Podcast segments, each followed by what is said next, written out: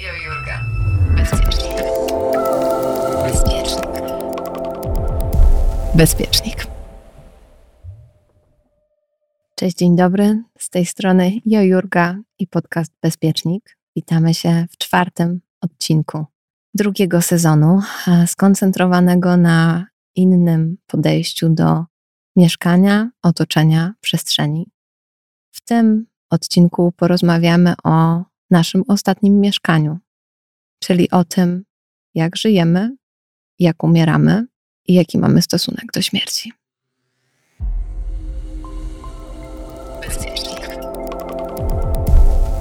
Blok trzeci. Oswajanie przestrzeni. Część z Was zapewne wie, że przez kilka lat miałam przyjemność pracować w branży pogrzebowej. Tak, pogrzebowej. I to może brzmieć zaskakująco dla ludzi, którzy znają mnie z innych etapów mojej działalności, ale na dyplom magisterski zrobiłam biodegradowalną urnę do pochówku na morzu i różnym zbiegiem okoliczności razem z moją serdeczną bratnią duszą Martyną Ochojską postanowiłyśmy zrobić firmę, która miała zrewolucjonizować branżę pogrzebową. Projekt NURN, bo tak się nazywał, przeistoczył się w firmę, którą prowadziłam razem z Martyną Ochojską.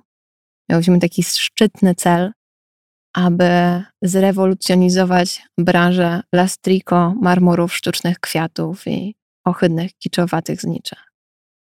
Zrobiłyśmy gigantyczny research, rozwinęłyśmy projekt jednej urny na kilka kolejnych, pojechałyśmy na targi funeralne. Nomen omen na żadnej imprezie podczas żadnych moich studiów artystycznych nie bawiłam się tak dobrze jak na targach w Bolonii, kiedy na głębokim kacu trzeciego dnia targów mogłam odpocząć zamknięta w rosyjskiej trumnie wyłożonej futrem i diamentami. Przedziwna to jest branża i przedziwne jest to miejsce, ale otworzyły mnie oczy na to, co to znaczy być producentem, co to znaczy pracować w tematach tabu na pełną skalę i pełen etat, co to znaczy dotykać tematów, które są uznane społecznie za trudne. Ten okres, a zajęło to kilka lat, miał kilka bardzo humorystycznych momentów, jak choćby ten, że kiedyś pisząc listę 50 rzeczy, które chciałabym zrobić w życiu, napisałam, że chciałabym być na okładce jakiegoś branżowego magazynu, tylko zapomniałam dodać, że myślę o projektowaniu, a nie o branży funeralnej i tak wylądowałam na okładce magazynu Kultura Pogrzebu. Tak, mamy taki w Polsce. Okładka do tej pory ma dość znamienite miejsce w moim domu. Jest tam napisane nowa twarz branży pogrzebowej. I myślę, że wszyscy na samą tą myśl możecie się uśmiechnąć.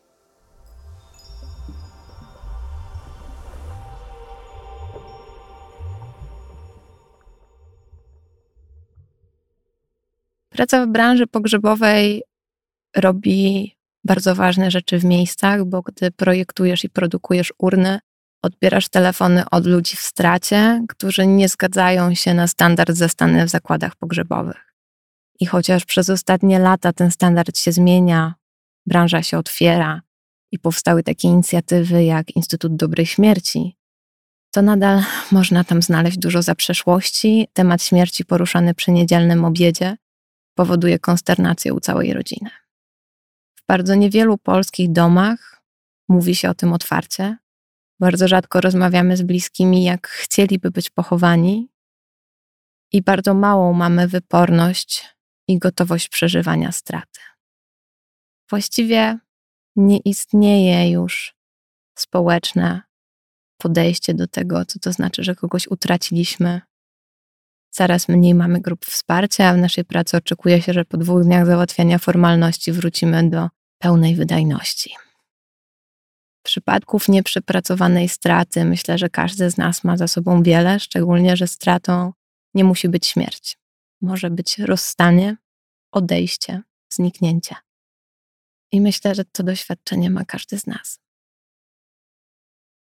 Rozmawiając o śmierci, zawsze zastanawiamy się nad tym, dlaczego to jest nieuniknione. Są nawet ludzie, którzy marzą o nieśmiertelności i którzy panicznie idąc do lekarza boją się tego, że tym razem usłyszą wyrok. Z drugiej strony, jak słyszy się wyrok, to czas nagle się zatrzymuje. Zaczynamy dostrzegać padający śnieg, czujemy smak porannej herbaty albo kawy I jakoś kontakt z bliskimi staje się dla nas zdecydowanie ważniejszy. Czasami nie ma lepszego nauczyciela życia niż śmierć.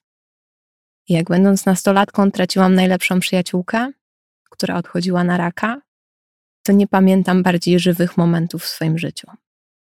Pamiętam też taką myśl, że ona tak bardzo zasługuje na życie. I pamiętam jej gotowość jako jedyną w gronie osób, które jej towarzyszyły w odchodzeniu na śmierć.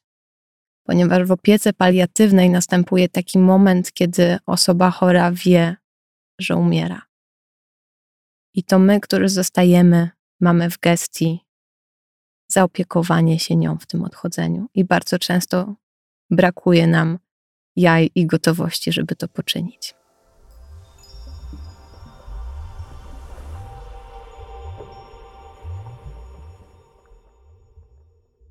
Myślę, że każdy z nas ma obowiązek zostawiania po sobie porządku, decyzji o tym, co ma się stać z naszym kontem, z naszymi rzeczami, zapiskami czy książkami.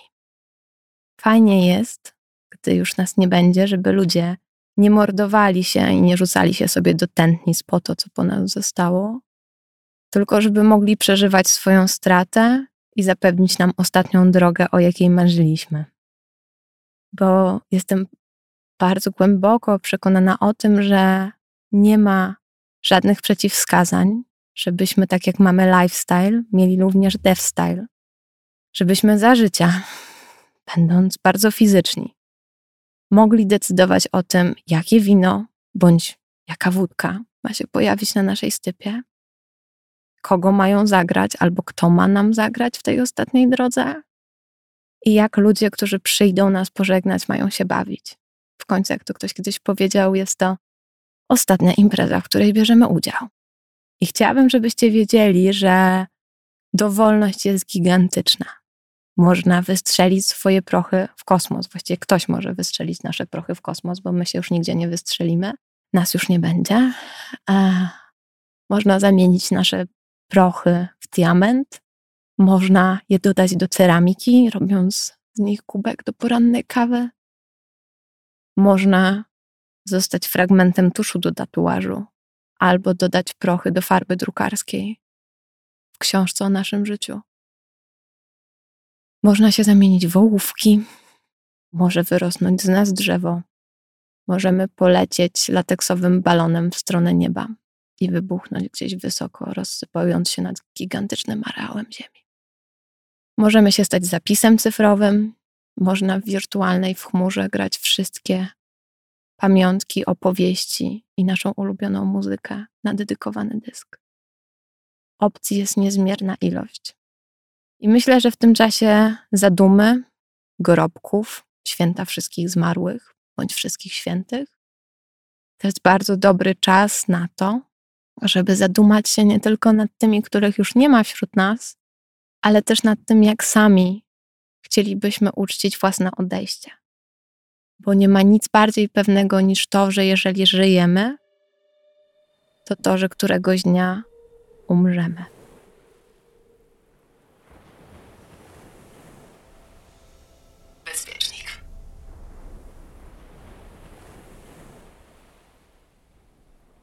Jestem też bardzo daleka od tego, żeby ograniczać ludziom w różnym wieku dostęp do wiedzy o odchodzeniu i umieraniu, na rynku jest bardzo wiele pięknych książeczek oswajających temat śmierci dla dzieci. Zresztą z mojego doświadczenia wiem, że dzieci przyjmują to dużo lepiej niż dorośli, jeżeli tylko traktuje się je po partnersku. I myślę, że wysyłanie dziadków w chmurki i opowiadanie, że kotek wyszedł, a nie wrócił, bo wolał inny domek, jest tylko potwierdzaniem naszego lęku przed tym, co nieuniknione. Śmierć w naszej kulturze od co najmniej tysiąca lat przybierała dość radykalnie straszną postać. Była kostuchą, z kosą, tańczyła w dans macabre. Toczono z nią rozmowy jak w mistrzu Polikarpie, który rozmawiał ze śmiercią. Robiono bardzo wiele rzeczy, próbując tą śmierć oswoić, nadać jej ludzki wymiar, znaleźć w niej jakiś element, który byłby zrozumiały, który miałby sens. I myślę, że nie jestem filozofem ani etykiem, aby rozmawiać o sensie śmierci bądź jej bezsensie.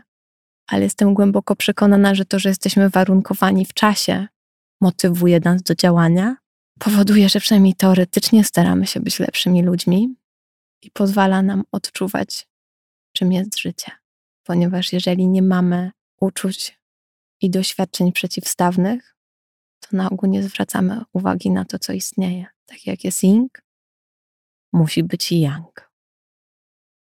I zdaję sobie sprawę, że to może być trudne, to może być przerażające.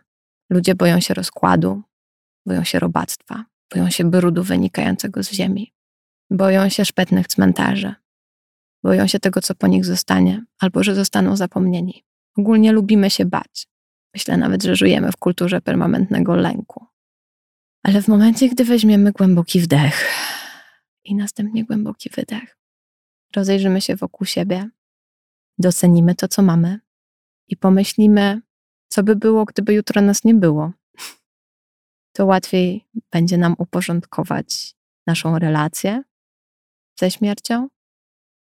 Może z większą przyjemnością doświadczymy i docenimy to, co mamy, i pewnie łatwiej nam będzie zadecydować, co by się miało stać z tym, co po nas zostaje. Kiedyś nawet mieliśmy taki pomysł biznesowy, żeby wprowadzić możliwość pisania testamentów przez internet. Może ludzie wtedy robiliby to częściej, oszczędzając rozłam rodzin po śmierci któregoś z członków. Myślę, że jasne formułowanie chcę być drzewem, chcę spocząć na takim bądź innym cmentarzu, marzę o nagrobku z granitu albo z piaskowca, albo chcę polecieć do nieba.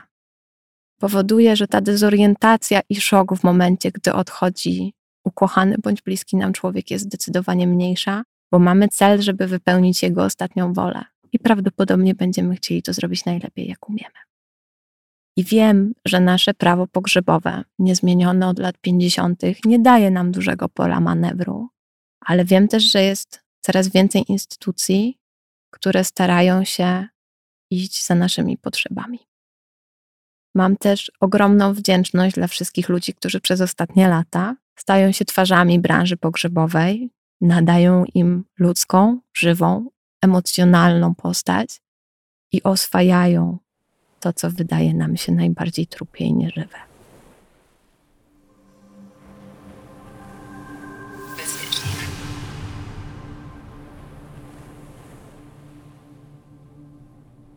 Myślę, że można szukać pięknych estetyk w śmierci, że są już ładne nagrobki, że to, jaką wybierzemy trumnę bądź urnę, jest absolutnie do zrobienia.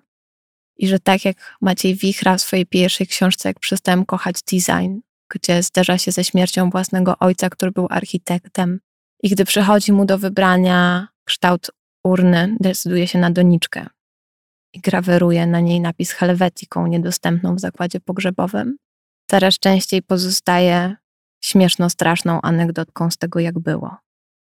Głęboko wierzę w to, patrząc na ilość dyplomów, przede wszystkim z wzornictwa, które pojawiają się w Polsce, że coraz częściej młodzi projektanci mają odwagę cywilną proponować nam alternatywne formy pochówku, przygotowywać dla nas piękne, ostatnie mieszkania, w których prawdopodobnie zostaniemy na wieczność, albo przynajmniej tak długo, aż się nie rozłożymy. Coraz częściej są to rozwiązania ekologiczne, lokalne, przyjemne, takie, że jeżeli osoba niosąca nas w ostatnią drogę nie będzie czuła zimna kamienia, tylko będzie czuła na przykład ciepło czerpanego papieru albo chropowatą aksamitność ceramiki.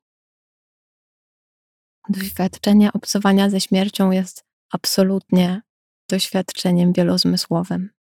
Są osoby, które nie lubią pewnych rodzajów kwiatów, ponieważ kojarzą im się z pogrzebami i z cmentarzami. Ja na przykład zawsze lubiłam bardzo chodzić we wszystkich zmarłych z moją babcią na cmentarz.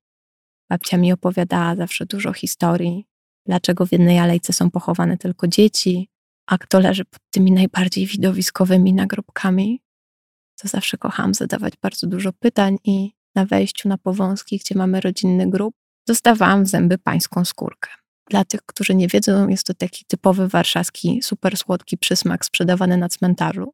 Wiem, że to brzmi dość kur kuriozalnie, ale w Meksyku się pije na grobach święto zmarłych i urządza duże fety, a w starożytnym Rzymie groby miały dziury, przez które wyrywano umarłym wino, więc nasza pańska skórka jest naprawdę malutkim elementem tego, jak można chcieć łączyć się ze zmarłymi w ich dzień. I ten smak tej pańskiej skórki, zapach zniczy, kiedyś jeszcze cudownych gipsówek, teraz już coraz rzadziej spotykanych, wypychanych przez te kuriozalnie plastikowe, gigantyczne, nieekologiczne znicze. Oraz chłód i zapach ziemi, spadających liści, był dla mnie takim doświadczeniem ponad czasem, ponad miejscem. Z roku na rok jest niezmienny. Teraz już tylko nie chodzę z babcią święto zmarłych, bo wtedy jest zbyt tłoczno i można stanąć za daleko od cmentarza. Ale nadal zapycham się pańską skórką, nadal słucham jej historii, ponad 30 lat tych samych. I nadal doceniam każdy krok, który z nią zmierzam. I mamy ustalone wszystko. Jak będzie wyglądał jej nagrobek, mam już prawo po latach perswadowania pomysłu napisać jej na nagrobku dla babci, która robiła najlepsze pierogi, pomijając wszystkie tytuły, zasługi i to, że była na pewno świetnym dydaktykiem, bo dla mnie jest babcią, która zawsze robiła najlepsze pierogi. I rozmawiamy o tym zupełnie na spokojnie. Ona wie, jak ja bym chciała być pochowana, bo tak, określiłam to. I ja wiem, jak ona by chciała być pochowana. I myślę, że w tym, że nie mamy wokół tego tabu, to nie znaczy, że nie boję się jej odejścia, bo jest jedynym trwałym elementem w moim życiu. Ale samo to, że jesteśmy w stanie o tym rozmawiać, tworzy między nami jakąś taką nić porozumienia i wsparcia. I mówię dzisiaj o tym dlatego, żeby Was zachęcić do takich rozmów, żebyście nie bali się szukać informacji o tym, jak można być pochowanym, co projektują dla nas designerzy funeralni, jakie mamy opcje, jakie są trendy, mm, co się dzieje na świecie.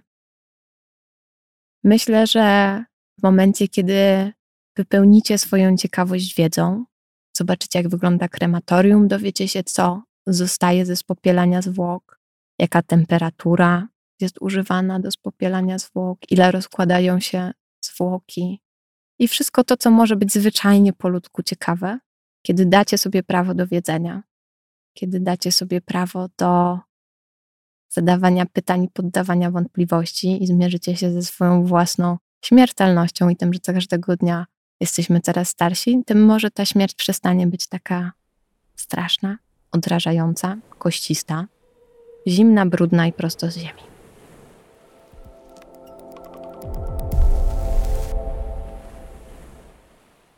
I tym krótkim odcinkiem chciałabym Was do tego bardzo zachęcić. Do spotkania ze sobą, do spotkania z przemijaniem, do spotkania ze śmiercią i gdzieś w międzyczasie do przeżycia tego spotkania w sposób absolutnie wielozmysłowy.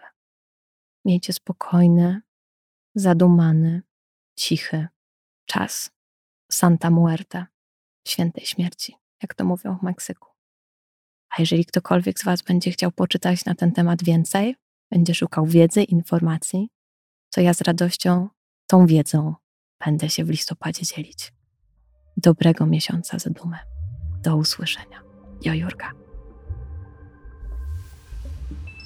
Jo Jurga. Bezpiecznika.